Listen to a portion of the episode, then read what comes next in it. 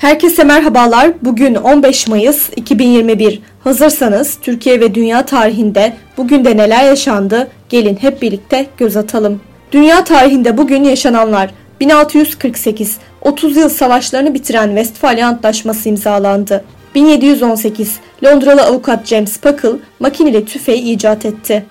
1940 McDonald's Amerika'da kuruldu.